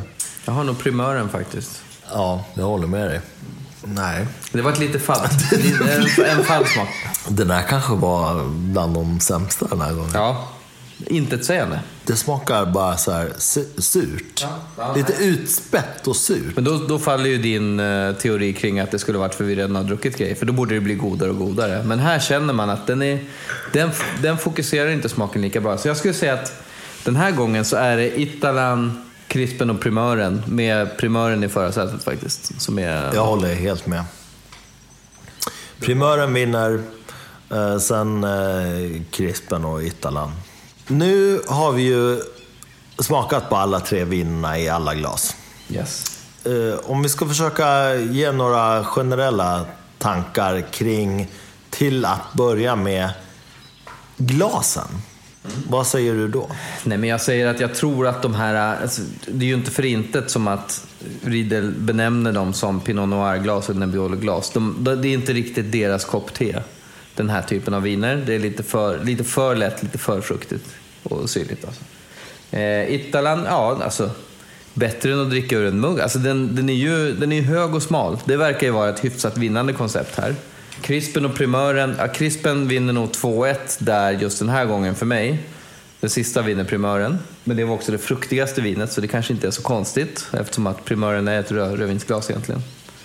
Och eh, maturen tycker jag är overall fortfarande en gigant, men den, den klarade inte det sista vinet, men de andra två var definitivt on spot på den. Det, det är min snabba sammanfattning. Väldigt bra sammanfattning. Om jag nu ska utse kvällens sämsta glas, då är det Wine Wings. Den sa mig ingenting faktiskt. Inte på de här vinerna. Nej, och återigen, vi är medvetna om att eh, den är inte tillverkad för det här. Men eh, ja, av de här glasen så just ikväll på de här tre vinerna så var den överlag sämst skulle jag säga. Och vad säger vi om vinerna då om man ska sammanfatta? Från mig så säger jag bara spännande genre. Eh, vita viner som smakar på ett sätt som man inte, eller viner på gröna druvor som smakar på ett sätt man inte är van med från traditionella vita viner. Eh, gott. Jag tror det är ännu godare om man tuggar någonting till, men helt klart saker man kan servera som aperitif. Jag tycker det var spännande, gott och, eh, och roligt. Det tycker jag. Jag kan väl säga så här. Jag förstår att orangevin kanske inte är allas eh, bag. Men jag skulle också så här föreslå att alla som har druckit orangevin och anser att det är skräp, testa gärna lite till. Nu har ju vi testat ändå tre viner som prismässigt är ändå, ja men de här ligger ju runt 300 allihopa. Lite plus minus. Testa lite, ja men herregud, testa ett dyrare. Döm aldrig ut en vingenre på ett smakprov. Nej, ett exempel. Nej, det, det är liksom väldigt dumt. Och det, det gäller inte bara orangevin. Nej, Jag menar, allt. Hur många dricker en Bordeaux eller en Barolo och säger att jag hatar Bordeaux och Barolo? Det gör man ju inte. Dricker du en box Gredos ljumskvarm i hytten på en finlandsfärja, då kanske inte den heller är supergod. Men det betyder ju inte att rödvin är något, inte är för dig. Nej, eh, precis. Exakt, jag kunde inte ha sagt det bättre själv. Ska du dricka vitt vin, drick det vita vinet som är gjort som rött. Det är vad rödtjut säger. Exakt ja. så. Mycket bra sammanfattning. Nu ska vi ge oss in på avdelningen testa olika ätbara saker till eh, två av de här vinerna. Vi har laddat upp med följande. Det är en svensk brännvinsost. Det är tryffelsalami en Barolo salami av mm. något slag va? Piemonte salami. Piemonte salami. Någon form av örtmarinerad kyckling. Kycklingfilé. Och sen är det oliver. Det är grekiska oliver va? Mm. Mm. Och sen är det paranötter. Ja, men det här ska bli... Jag tror det här är ganska schyssta matcher faktiskt. Vi har inte höftat helt och hållet. En del efterforskning har man gjort. Vi testar. Vad ska vi börja med, tycker du? Nej, men som vanligt så tycker jag vi börjar med det mildaste. Och det är ju antagligen i det här då. Osten. Okej, okay, vi börjar med osten. Morfars gamla brännvinsost. Ja, det är gott. Morfar hade koll på grejerna. Ja. Han drack brännvin när han gjorde osten. Eller orangevin.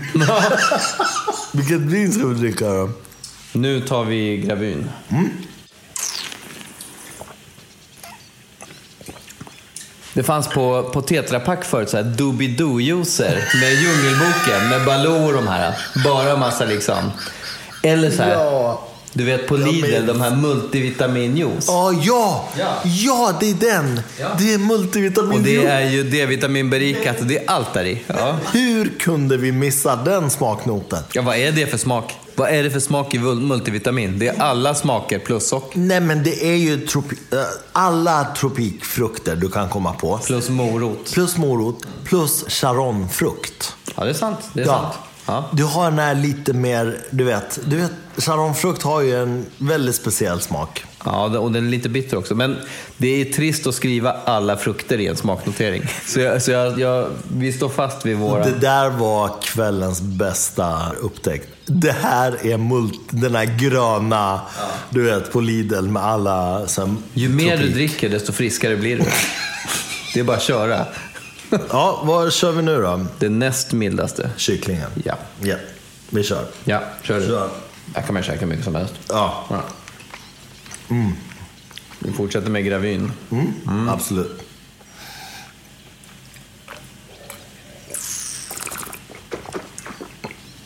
Nu, nu var det mer av vinet kvar faktiskt. Ja, men absolut. Och det det här var blom, blommigare. jättebra. Ja, det här var faktiskt Det här var, funkar var gott. jättebra. Ja.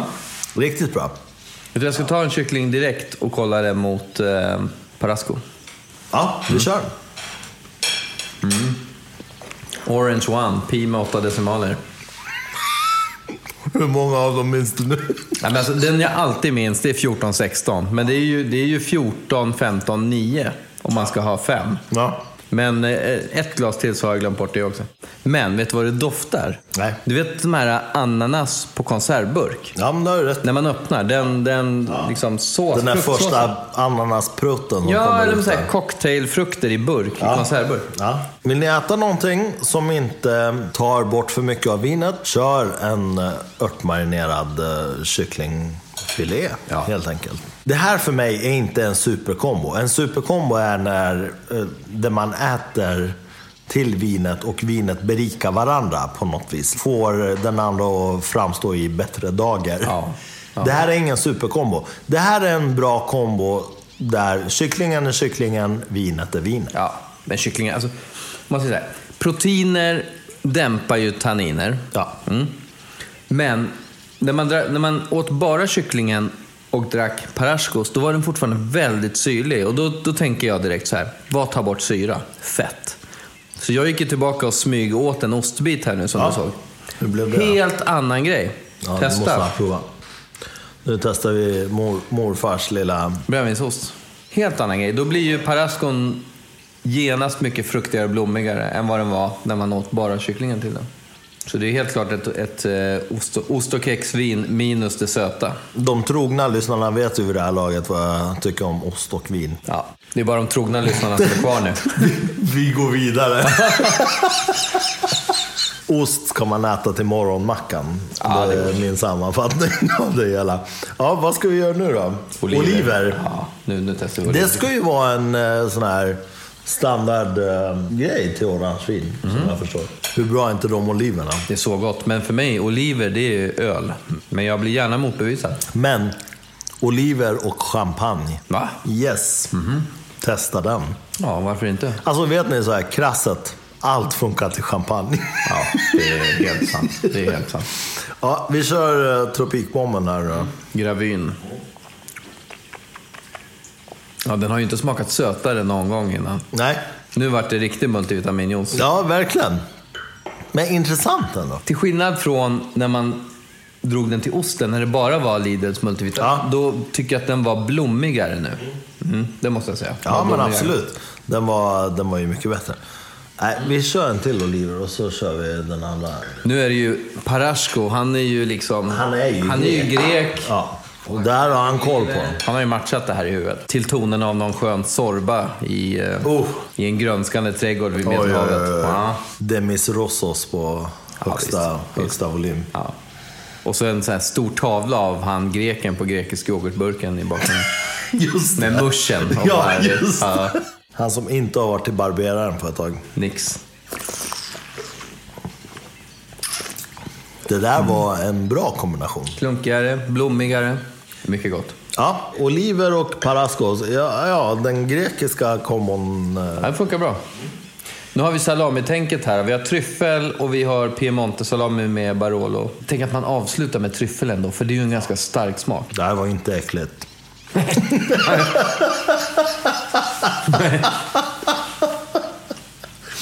Det är ju därför man kommer tillbaka till det italienska köket gång på gång. När råvarorna får snacka. Ja, Det blir ju så vackert. Alltså, det, det behöver inte vara så mycket svårare. Man behöver inte blanda 40 halvfabrikat. Det är liksom gott. Så in i bängen. Skål! Skål. Nu är det alltså en gravy. Yes. Den rundar jag på ett skönt vis. Man, man känner proteinet gör sitt. Både tanninerna och, och syran är ju ganska borta, men blommorna är kvar. Ja.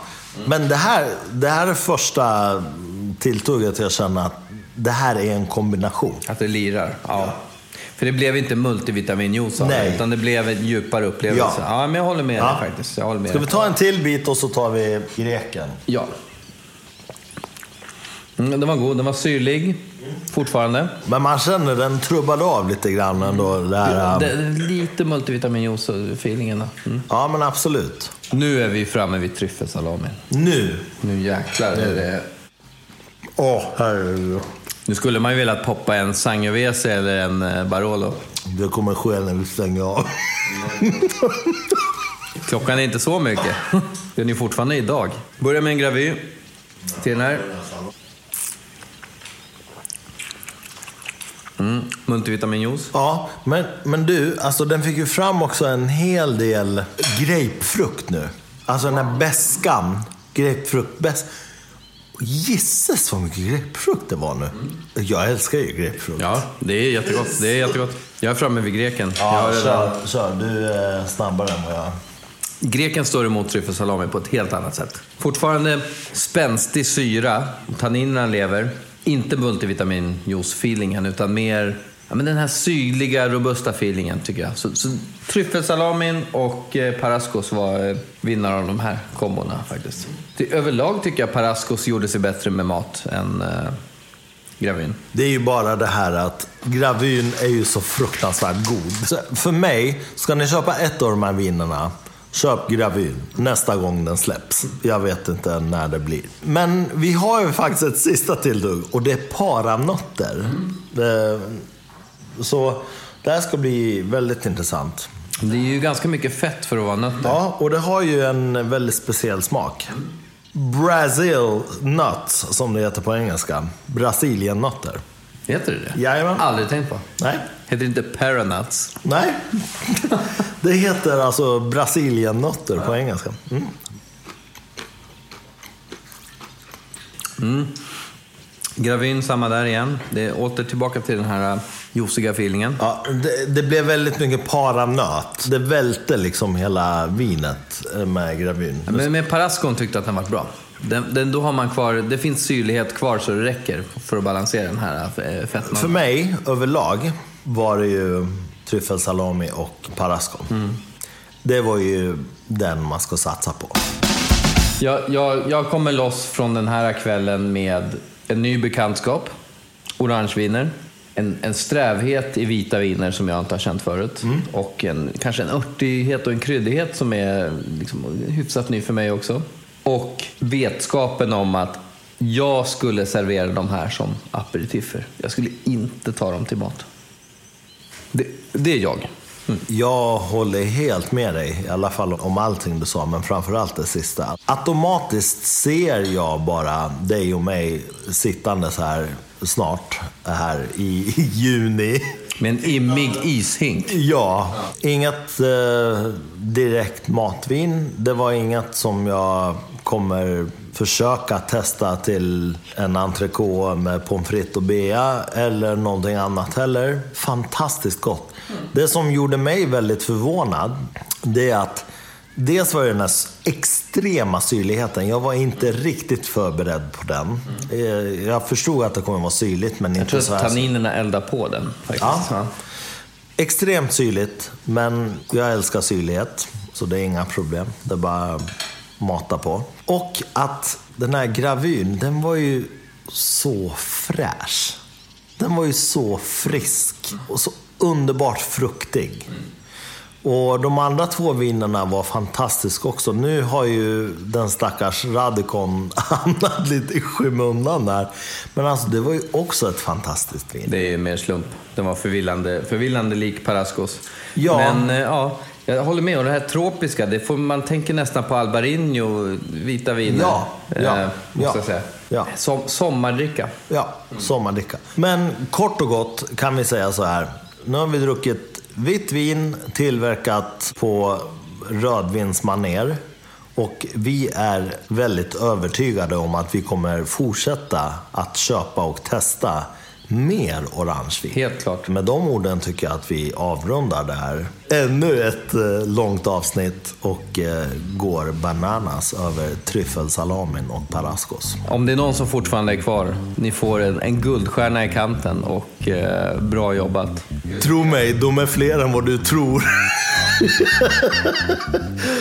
Hörrni, tack för att ni lyssnar. Vi önskar er en eh, fantastisk eh, upplevelse med orangeviner. Testa andra, kommentera gärna, ja. berätta. Hör av, er. Hör av er och tipsa. Och eh, bär eh, munskydd. Stay safe. Yes. Till nästa gång, ha det bra. Vi hörs. Sköt om er. Hej då.